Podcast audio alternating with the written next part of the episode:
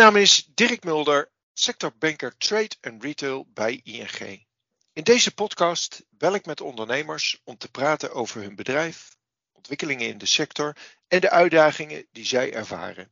Doel van deze podcast is om andere ondernemers te inspireren. Vandaag ga ik in gesprek met Henk-Jan Bijmold, voorheen oprichter van Gardero en nu oprichter van Wiems.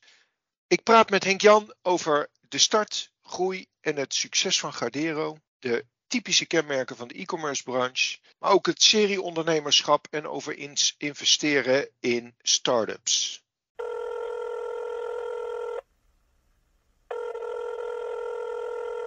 Goedemorgen dan uh, Henk Jan. Laten we maar direct beginnen. Kun je wat vertellen over jezelf? Uh... Uh, ja, zeker. zeker. ik heb HBO Commerciële Economie gestudeerd in Groningen. Dat is alweer een tijdje geleden. Ik ben nu 41. Tijdens mijn studie ben ik eigenlijk al heel simpel begonnen met een beetje ja, kennis te nemen over HTML, over het internet. Dat was dat was toen natuurlijk heel nieuw, kunnen we bijna niet meer voorstellen. Maar dat vond ik wel razend interessant. Dat je ja, het basisidee dat je vanuit de zol, je zolderkamer de hele wereld kan bereiken. toen heb ik eerst heel veel, uh, of een aantal jaren webdesign klussen gedaan voor bedrijven. Nou, toen kwam ik al wel vrij snel achter, daar ligt niet echt mijn talent, dat programmeren. Uh, ja, daar moet je toch wel uh, andere skills voor hebben. Dat had ik niet, maar ik had er wel eventjes aan geroken. En ik had ook wel eh, een paar klanten waarvan ik dacht van hé, hey, die doen het eigenlijk best wel leuk. En ik zou liever zelf aan die kant zitten. Toen ben ik uh, eigenlijk alle branches afgegaan en toen ben ik in een reisbranche beland. Okay. Toen heb ik een portal opgericht, uh, dat heette toen travelmap.nl. En dan kon je ontdekken waar je naartoe kan voor je volgende bestemming. Had ik heel veel reisinformatie verzameld. Advertenties erop. En het was een hele leuke tijd, maar het was ook ja, is ook wel een beetje een simpel affiliate model. Dus uh, op een gegeven moment had ik dat ook gezien. En toen ben ik eigenlijk uh, richting de webshop kant gegaan. Uh, verschillende dingen gedaan, van een koopwinkel tot, tot nou ja, uiteindelijk de focus gelegd op Galero, het tuinhout. Ja. Dus ja, ik heb eigenlijk heel veel gedaan op het gebied van, van e-commerce, internet, even, even heel, heel grof samengevat. Ja, als je dat dan afbelt, hè, want jij zegt, uh, je hebt heel veel gedaan. Uh, uiteindelijk ben je dus de reisbranche. je hebt andere producten verkocht. Uiteindelijk in hout terechtgekomen. Is voor jou dan allemaal een beetje het, hetzelfde? Of heeft ieder product dan wel weer zijn eigen dynamiek? Ja, het is, heeft zeker toch wel zijn eigen dynamiek. een webwinkel ja, is toch wel heel iets anders dan, dan een platform zoals TravelMap was. Uh, ja, bij had ik nooit te maken met klanten die, die klachten instuurden. Uh, ja, dat was, dat was bij, Gerero natuurlijk wel heel anders. Met een, ja, een consument die veel vragen heeft en ja, goed geïnformeerd wil worden. Dus dat was wel zeker wel even omschakelen. En ik moet ook eerlijk toegeven dat dat stukje iets is wat ik van Gedero nu ook niet mis, zeg maar. Want het is, ja, dat is best wel, best wel intensief. Uh, altijd met, uh, ja, je hebt altijd met, met klanten te maken. En uh, zeker met een natuurproduct die moeilijk te vervoeren is. Ja, dat was best wel pittig. Als je, als je dan terug gaat, wat, wat vind jij dan wel de leuke dingen aan het ondernemerschap? Nieuwe ja, business opzetten? Ik denk, dat, ik wel een soort ondernemersbloed heb.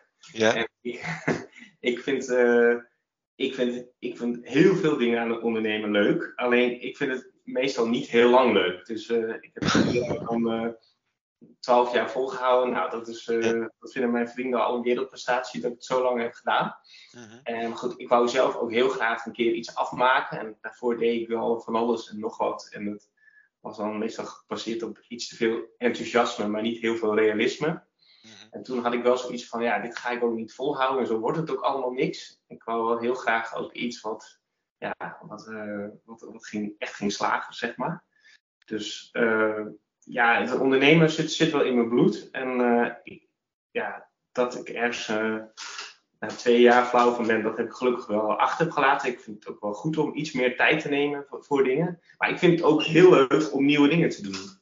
Ik krijg wel, wel energie van nieuwe dingen doen. En dat kan soms binnen je bedrijf. En ja, soms zoals bij Guerrero had ik het op een gegeven moment allemaal wel een keer gedaan en gezien. En dan, ja, dan, dan wordt het uh, met name fine-tunen, procesoptimalisaties. En daar ligt wel minder mijn kracht en ook minder mijn, mijn lol. Zeg maar. Toch even helemaal terug naar Gardero, want uh, misschien iets meer duiden wat, wat Gardero is. En eigenlijk is het natuurlijk wel heel bijzonder dat, dat je via e-commerce hout gaat verkopen. Maar hoe ben je daartoe gekomen? Ja, zeker twaalf jaar geleden was dat bijzonder. Want nu lijkt het wel een soort normaal goed. Maar toen werd daar nog best wel, ja, wel gek naar gekeken. Van, hè, dat willen mensen toch zien. En straks is het krom. En, uh, en dat is wel uh, in twaalf jaar tijd veranderd naar, oh wat handig, er wordt thuis bezorgd. Dus um, ja, het was toen een idee van waarom um, kan je tuinhout de focus bij veel lag met name op tuinhout. Dan moet je denken aan schuttingen, vlonders, overkappingen, tuinhuisjes, dat soort artikelen. Maar waarom kon je dat toen niet online bestellen? Ja, dat vond ik gek. En ik zag wel dat de huis- en tuinbranche wel uh, online sterk opkomend was. En zo ben ik daar eigenlijk een beetje ingerold. En ook via mijn familie had daar wel wat contacten. Het scheelde ook dat het toen een crisistijd was. Dus bij de groothandels uh, hadden, hadden ook wel zoiets van, nou ja, laten we maar eens kletsen met deze gekke gasten die iets met internet willen. En uh, die had zoiets van, nou, we kunnen altijd een pilot starten met ze. We hebben toch niet heel druk, dus dat was ook wel een goede timing.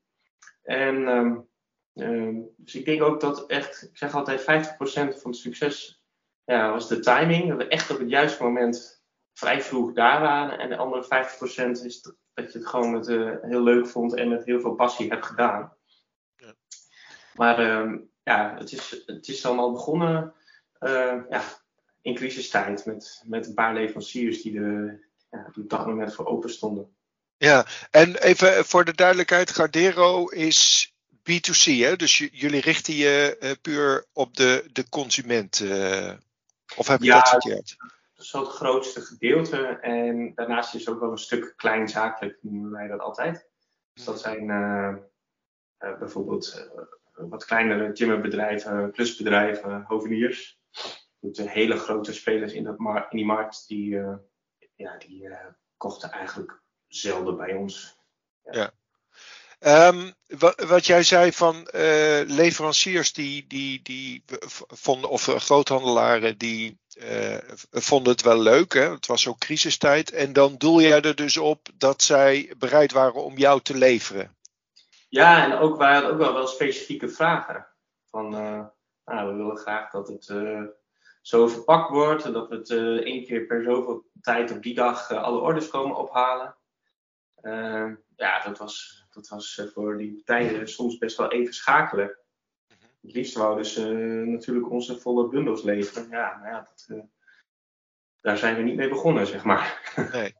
Maar hoe, hoe zijn ze dan toch meegegaan in, in dat verhaal? Ja, ik denk dat ze zoiets hadden van laten we maar eens proberen. En uh, ja, wij. Uh, het niet ik ben ook wel een beetje verbaasd geweest eigenlijk, want ik kan me nog goed herinneren zo'n eerste gesprek. En dat, uh, op dat moment deed ik dat nog met mijn broer en die was mee. En toen reden we terug en toen dacht ik van ja, dit gaat het niet worden. En mijn broer zei nou nog, twee, nog één, twee gesprekjes en dan doen ze wel mee. Dus die heeft eigenlijk vooral ervoor gezorgd dat ja, dat we ergens binnenkwamen. Want ja, dat ging, uh, ja, dat ging in het begin toch best wel moeizaam. En het is, het is kapitaalintensief. Hè? Het zijn, zijn en het zijn ook grote artikelen. Dus ja, je begint dit ook niet zomaar even met eigen voorraad uh, vanaf nul. Dat valt hier niet mee, zeg maar. Hoe heb je dat dan gedaan? Na de eerste paar jaren was het, uh, ja, zoals we dat noemen, dropshipping. Dus op het moment dat wij een order halen, hadden, gingen wij die bij, uh, bij groothandels uh, één keer per twee weken ophalen, alle orders. En dan uh, gingen we die naar de consument brengen. En dat is eigenlijk pas na een jaar of drie, vier, dat we wel zoiets hadden, oké, nu hebben we zoveel volume. Nu is de wens ook wel groot om zelf voorraad te hebben. Dat je dan ook in control bent, dat je soms wat betere prijzen hebt. En wat meer leverzekerheid kan bieden.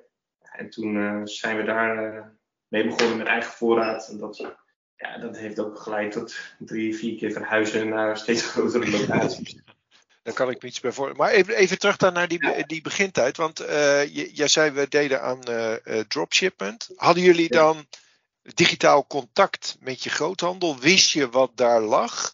Of was het op een gegeven ogenblik, als je een bestelling binnenkreeg, dan ging je kijken waar je het op een gegeven ogenblik. Uh... Nou, dat was een tijd dat, dat we wel wisten dat het er lag, want zo geweldig ging het allemaal niet. Dus dat is heel anders dan afgelopen jaren, waarin dat veel meer een rol speelde van beschikbaarheid. Dus dat wij problemen hadden dat de spullen er niet waren, dat was in die beginjaren het probleem niet. Maar het, het, wij, hadden, wij hadden zeker geen voorraadkoppelingen. En het is ook een conservatieve branche. Dus volgens mij uh, in die branche zijn er nog steeds maar één, twee spelers die dat doen. Dus, uh, ja. ja. dat is wel ongelooflijk. Want het, ja, dan, uh, maar het ging heel simpel. Dus gewoon met een pdf die kant op. En dan ging ik daar iemand met de hand weer inkloppen. Zo ging het in het begin. Oké. Uh, grappig. En uh, jij zei van in het begin van ook lastig toch om die consument te benaderen. Hoe hebben jullie dat uiteindelijk gedaan? Hoe heb je die zover gekregen dat ze hout via internet bestellen? Ja, ik denk dat we. Um, kijk, ik kon. Mijn familie zat dan wel wat in, in die branche, maar ik, ik niet. Dus ik heb altijd geprobeerd om heel goed de dingen die wij verkochten te communiceren. Hoe moet je dit gebruiken? Hoe moet je dit met elkaar combineren? Um, hoe moet je het bevestigen, et cetera. En eh, ik wou het altijd zelf snappen. En dat, nou ja, dat was denk ik wel een, uh, een handige manier. Want ik, ik, ja, wat ik zeg, ik kwam zelf ook niet uit die branche. Dus ik had zoiets ik wil dat mensen het online uh, allemaal kunnen nalezen. En met goede foto's erbij. En dat ze dan in principe ons niet nodig hebben om nog te bellen. Of als wij gesloten zijn, dat ze dan denken, nou laat maar. Dus ik heb heel erg gezeten op die contentstrategie. Later ook met video. Uh, om uh, ja, het product, product, zo goed mogelijk te presenteren. En, en ik denk dat dat heeft, voor heeft gezorgd van, dat mensen dachten, weet je, ik durf het wel aan. En, en wij hadden ook wel producten, ja, die, die, die heeft de bouwmarkt niet. En juist wat bij de bouwmarkt ligt, ja, dat is de doorlooptijd vaak niet goed. En daar, daar is juist het kromme hout. Mm. Wij konden ook wel uitleggen, ja, wij hebben wel hoge doorloopsnelheid, waardoor je uh, wij garanderen dat je een goed product krijgt. En als je niet tevreden bent, dan komt onze servicebus langs en die ruilt weer iets voor je om. Dus ja. dat uh, deden we ook al wel vrij snel om, uh, ja, om wel goede service te bieden, zeg maar. Maar als ik het goed begrijp, waren jullie ook daar redelijk voor op de markt mee. En nu zie je al doe-het-zelf zaken met instructiefilmpjes hoe je bepaalde ja. klussen moet doen. maar jij zei, jullie, jullie hadden dat in, die, in die, jullie starttijd ook al? Uh... Nou, starttijd niet hoor. Ik denk dat, uh, dat we na, uh, ik denk zes jaar geleden zijn begonnen met YouTube. Mm -hmm. Filmpjes maken. Ik heb de eerste honderd afleveringen zelf, zelf gedaan.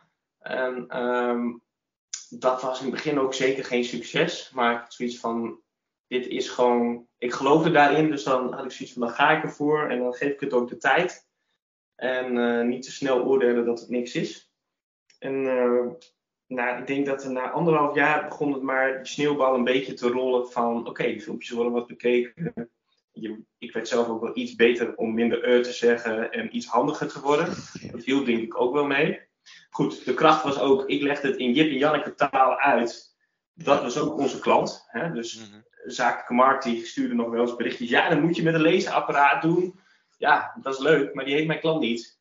Nee. Dus daarom doe ik het met een lange waterpas en doe ik het ja. iets simpeler. Nou ja, goed. En toen kwam natuurlijk uh, corona. Ja, toen had iedereen zoiets van, ja, ik verveel me dood thuis. Nou ja, laat ik eens zelf eens kijken of ik uh, een uh, nieuwe schuurtje in elkaar kan knutselen. Ja, en toen gingen die video's uh, echt helemaal door het dak met, volgens mij in één corona-jaar 6 miljoen views.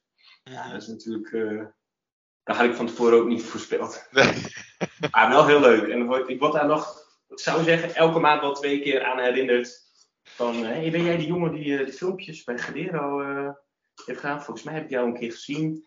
Ja, dat is, ja, dat is, dat is wel bizar. Ja, uh, leuk. Ja, ik, ik herken het wel een beetje daarin. maar dat maakt denk ik ook leuk. dus jullie hebben veel lol gehad in die tijd met het opnemen van die filmpjes. Kan ik me zo voorstellen. Ja, maar het was ook wel pittig hoor. Want ik deed dat dan erbij zelf. En dan proberen we elke week een aflevering. Nou, daar waren we dan een halve tot hele dag mee bezig. Ja, dat was, dat was dat was ook wel echt hard werken, want ondertussen ja, liep de business ook gewoon door. Maar goed, ja, het was best wel lastig, vond ik, om uh, iemand te vinden van, ja, wie kan dat dan doen? Want zo'n filmpje is leuk als hij 300, 400 euro kost. Maar als hij ineens 2000 euro kost, ja, dan is hij eigenlijk helemaal niet meer zo leuk. Nee. Want dan zit er best wel druk op, hoe gaan we dat terugverdienen? Uh, dus ja, daarom uh, ja, ga je een modus in vinden van hoe hou je dat een beetje betaalbaar. Maar het, het, was zeker leuk, maar het was ook echt wel, echt wel hard werken om dat tussendoor allemaal voor elkaar te krijgen en een beetje low budget te houden. Kan, kan je iets vertellen over de ontwikkeling die Gardero in die tijd uh, doorgemaakt heeft?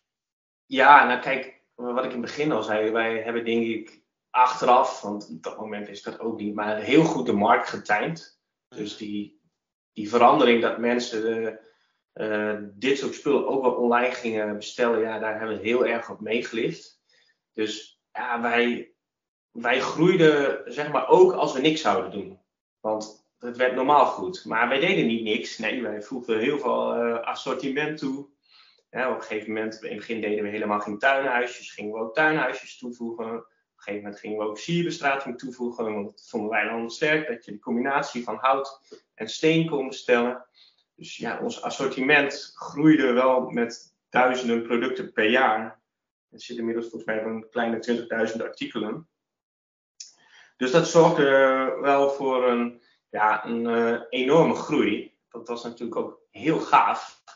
Omdat uh, ja, elke, elke week weer die verbazing te zien van jeetje, wat gaat, wat gaat er aantallen gaande weg en wat hebben we voor traffic op de website. Um, ah, dat, was, dat was ook heel veel offers doen. Het was wel echt, ja, wij noemden dat uh, topsportmaanden in, die, in het voorjaar en begin zomer was iedereen natuurlijk hout voor in de tuinbouw bestellen. Ja. dat, dat vond ik ook weer heel leuk, dat er dan een enorme piek was, waardoor je daarna ook weer eventjes tijd had om wat andere dingen uit te zoeken. En niet elke dag hetzelfde is. Maar ja, nog steeds, het is wel wat afgezwakt, maar is, uh, is zo'n piekmanager wel, uh, wel heel, heel pittig. Um, ja, en natuurlijk op een gegeven moment zijn we ook buitenland gaan doen. Dat is denk ik, uh, vooral Duitsland denk ik een jaar of vier geleden. Frankrijk twee jaar geleden. Duitsland misschien wel vijf al. Omdat mijn idee was meer doen met hetzelfde. En niet nog meer assortiment toevoegen. En dat, ja, dat zijn ook wel pittige stappen om in die andere landen uh, ja, je leercurve te maken. En, uh... waar, waar ben je daarmee tegen aangelopen als je, als je dat nu bekijkt? Nou, ik had, voor Duitsland had ik al wel heel lang geprobeerd via leveranciers die ook in Duitsland zaken doen of, of, of, andere wegen. of om, als je zelf in Duitsland bent, ik altijd kijken bij een bouwmarkt of bij een houthandel. Wat ligt hier? Hoe werkt het hier? Dus we hadden wel goed research gedaan en ook echt hadden we wel door van niet ons hele assortiment is geschikt voor Duitsland. Dan moeten wel een aantal producten moet je hier niet aanbieden. Die zijn gewoon voor een Duitser niet hoogwaardig genoeg. Dus daar hadden we vrij goed onderzoek in gedaan. En ja, natuurlijk hadden we nog steeds wel missers van producten die ja, Duitsers gewoon bij ons de kwaliteit niet goed vonden. Nou, dan gingen we heel snel op schakelen van, van de website halen. Uh, dus ja, dat, dat, ik denk dat we daar goed aan hebben gedaan dat we rustig die markt in zijn gegaan en niet te snel, waardoor we het leergeld ook niet heel hoog was, maar we wel konden leren. En um, nou ja, achteraf nu ben je, ben gewoon heel blij dat je dat toen gedaan hebt, want het is gewoon heel gezond dat je ook spreiding hebt, dat je een stuk omzet Duitsland hebt, dat je een stuk Frankrijk hebt, waar toch uh, het seizoen vaak nog weer iets langer doorloopt, waar weer andere producten goed lopen. Ook weer een hele andere markt trouwens, uh, Frankrijk. Daar hebben we wel eigenlijk weinig onderzoek gedaan. En zo, zo gewoon, zijn we gewoon live gegaan met uh, ongeveer ons Duitse assortiment. Ja. En dan uh, snel kijken wat, wat werkt wel, wat werkt niet. En wat werkt ga je op door en wat niet werkt laat je los. Sowieso wel vaak mijn, mijn stijl geweest van niet te lang over nadenken. Dat is altijd wel een reden om het niet te doen. Gewoon doen en snel leren. Ja. En snel bijschakelen. En hoe hebben jullie dat georganiseerd? Want uh, uh, ik, ik, neem aan, werken jullie samen met bepaalde logistieke partners? Hebben jullie eigen logistiek? Uh, nee, we hadden nul eigen logistiek.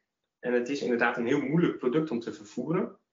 Dus het is ook wel een enorme zoektocht geweest van hoe ga je dat nu doen? Ga je dat met één partij doen, met meerdere partijen doen? Ja, in het begin waren we ook nog klein. Dus ja, dan konden we wel meerdere partijen willen. Maar ja, die partijen willen ook graag bij je langskomen als jij een volle wagen kan, af, kan meegeven. Nou ja, die hadden we in het begin niet altijd. Nou, later hadden we wel 15 uh, wagens per dag. Ja, dan ga je wel meer kijken naar meerdere partijen. En dan ga je ook onderzoeken van uh, waar, zijn ze, waar zijn ze eigenlijk goed in. Nou, de ene is goed in Duitsland, de andere goed in de Randstad. En die uh, is goed in Frankrijk. Dus zo, ja, zo hebben we dat langzaam uitgebouwd. Maar dat, ja, dat, kijk, het is niet een product waarvan je zegt, hè, we doen het in een doosje en PostNL komt vanmiddag en veel plezier ermee. Nee. Als het business is natuurlijk veel makkelijker. Ja. En wij moesten ook echt die hele logistiek, moesten we, ja, moesten we zelf wat uitvinden. Dat was ook een markt die niet heel gewend was om naar de consument te gaan. En um, ja, track and trace hadden ze ook allemaal nooit van gehoord. Dus in het begin hebben wij zelfs nog hele software eh, voor die partijen geschreven dat ze via ons track and trace gebruik konden maken. Ja, dat, uh, dat maakte het wel uh, aan de ene kant heel gaaf dat je gewoon een product had waarbij de toetredingsdrempels heel hoog waren omdat de logistiek moeilijk is. Nou, er gaat veel cash in het product zitten, het kost veel ruimte. Maar het, het, is, het is nog moeilijker, zeg maar, dan iets verkopen wat, wat je meegeeft aan een PostNL DHL. Ja. ja, absoluut. Maar daar kan dus ook je, voor, je, je, zeg maar, je onderscheidend vermogen in zitten. Ja, als je nu, als je nu kijkt, de samenwer of je samenwerking met leveranciers. Hè, in het begin zei je van, uh, goh, dan kwamen de orders binnen en dan, uh, konden we, dan keken we waar we dat uh, konden ophalen. Ja. hoe, hoe, doen jullie dat op dit moment? laagdeel is het wel behoorlijk veranderd. Ik denk dat meer dan 70%, misschien wel 80%, ik weet het niet exact, uit eigen voorraad komt. -hmm. Uh, dus ja, dat is, ook, dat is ook veel, veel gezonder. Want dan weet je gewoon veel beter uh, wat je kan waarmaken. Ja. Um, ja, dus heel veel wat uit eigen, eigen voorraad, voorraad geleverd. Dat is wel een, wel een groot verschil. Ja. ja. En dan toch komt op een gegeven ogenblik het moment dat je beslist: uh, ik ga een deel verkopen. Ehm, kan je ons eens meenemen in dat proces? Je, je hebt er natuurlijk in het begin al wat over gezegd. Uh, ja. Dat jij meer ondernemer bent in bouwen. Uh, maar toch kan, kan je daar iets over vertellen? En vervolgens iets over wat je nu doet dan? Ja, nou ja, zeker. Um, kijk, het was op een gegeven moment. nou, als eerste, er ging wel echt heel veel geld in zitten. Dus zeker elk elke winter gingen we dan de voorraden opbouwen. Ja, daar ging ik wel uh, privé wel redelijk al in. En uh, de bank deed soms ook wel uh, uiteraard iets mee. Maar ja, dat was wel dat was best wel risicovol. Het ging, zeker met onze groeicijfers, ja, ging, dat, ging dat wel met geweld. Nou goed, op een gegeven moment ben je daar ook wel aan na een aantal jaren. Maar je, weet, ja, je weet wel, ja, mm, het voelt niet heel fijn, zeg maar. Maar wat bij, voor mij de voornaamste reden was, wat ik in het begin ook zei, op een gegeven moment ja, heb je eigenlijk in de branche, ken je iedereen, heb je alles wel geprobeerd. Uh, heb je zelfs in het buitenland uh, sommige trucjes nog weer herhaald. en dan worden ook andere dingen belangrijk om ja, te zorgen dat ja, de processen wat beter lopen, dat de functiebeschrijvingen wat helder zijn. Ja, vergaderen, de, daar had ik een ekel aan, dat deed ik niet aan. We wilden alleen even snel bij het kopieerapparaat en dan gingen we weer verder. En ja, ik merkte ook wel, ja, dan wordt het bedrijf met meer dan 100 man, wat daar wel een beetje te groot voor. Maar goed, ik, uh, ik probeerde wel heel lang vol te houden van ik doe alleen maar waar ik zin in heb. Maar ik zag ook wel, ja, dat is niet, op een gegeven moment niet heel, uh, heel houdbaar meer. En, ik, en ik vond het ook niet heel erg om te zeggen, weet je, ik vond het leuk om te doen. Ik vond het geweldige reis. Ik vind het ook prima dat anderen ermee verder gaan nu, die weer goed zijn in deze fase. En uh, ja, ik was ook wel, uh, ik was ook wel op een bepaald moment wel een beetje op. Gewoon ja. helemaal leeg en ja, gewoon zoveel offers voor gedaan. En uh, ja, dat, misschien ook niet altijd de slimme dingen gedaan. Maar goed, in, in het enorme groeigeweld ga je daarin mee.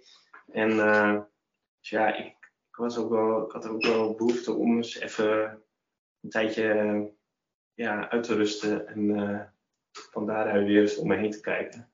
Ja. Heb, heb je nog betrokkenheid bij Gardero? Ja, ik uh, heb nog een, een 1% aandeel in een adviserende rol. Dus ehm, dat vind ik zelf ook wel, dat vind ik ook wel, wel leuk dat ik 1% heb, dus een beetje symbolisch. En uh, ja, ik sta er eigenlijk heel makkelijk in. Als ze willen dat ik uh, ergens iets over zeg, dan doe ik dat. En uh, voor de rest, ja, loop ik daar ja, niet rond en loop daar niet in de weg. En, dus ja, dat is misschien een paar keer per jaar, zeg maar.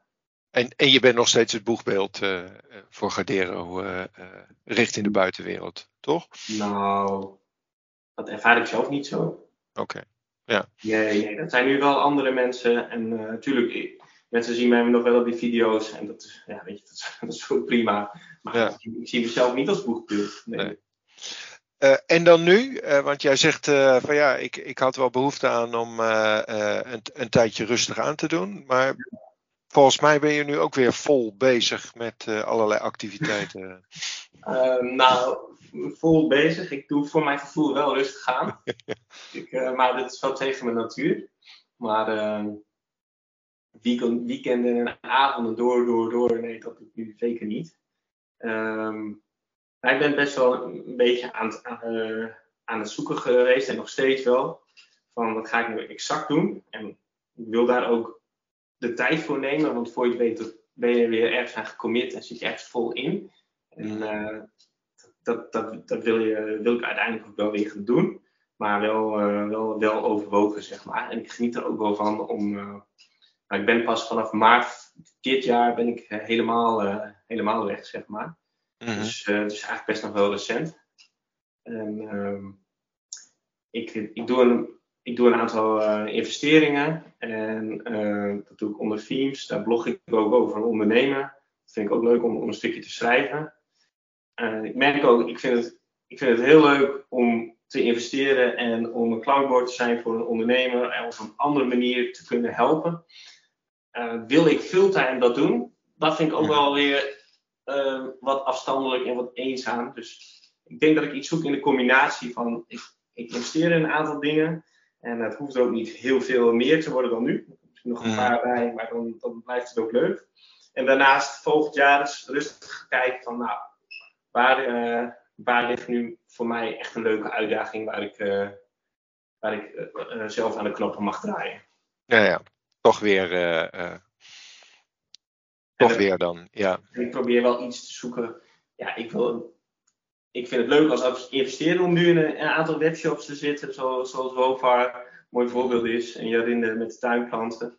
Maar voor mezelf, ja, dat webshop trucje noem ik het even denigrerend.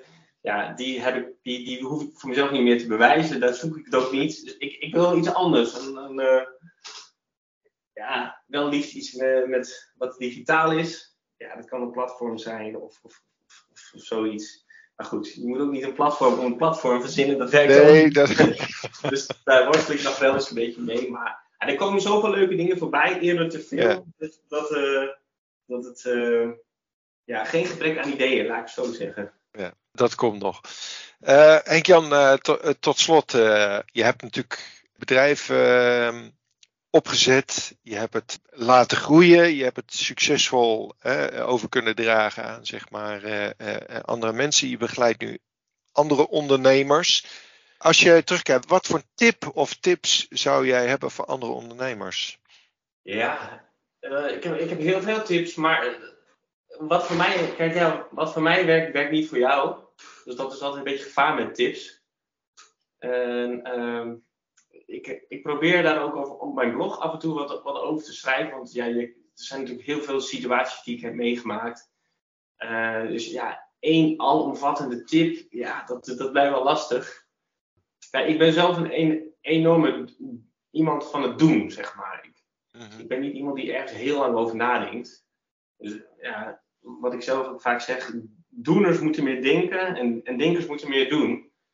En, want ik ken ook genoeg vrienden, ja, die hebben leuke ideeën en daar praten ze dan over, maar vervolgens doen ze niet. Ja. Ja, ja omdat ze niet durven, omdat ze daar een beer op de weg zien staan en daar. Ja, ja dat is. eh, ja, doe het nou gewoon. En dan eh, kom je er wel achter dat je iets, iets wel of niet werkt, of dat je toch linksaf moet of rechtsaf.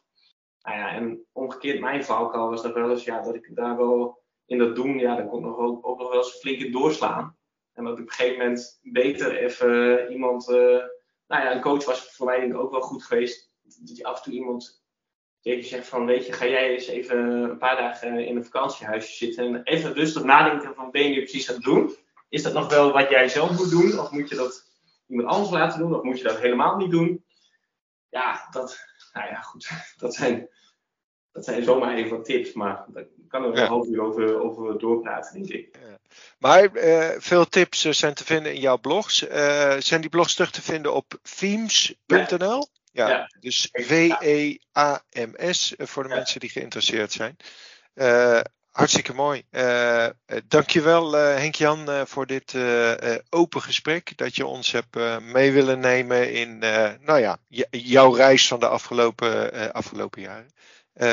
Dank je. Ja, graag gedaan. Ik hoop dat er wat inspiratie bij zit voor andere ondernemers. Dat is altijd een beetje het achterliggende doel natuurlijk. Absoluut. Ik, ik ben ervan overtuigd. eh eh. Dankjewel nogmaals. Dankjewel. Deze podcast maakt onderdeel uit van een serie gesprekken met ondernemers uit de sector trade en retail. Meer podcasts en informatie over de sector vind je op ing.nl.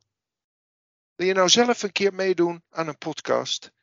Mail me dan op dirk.mulder.ing.com.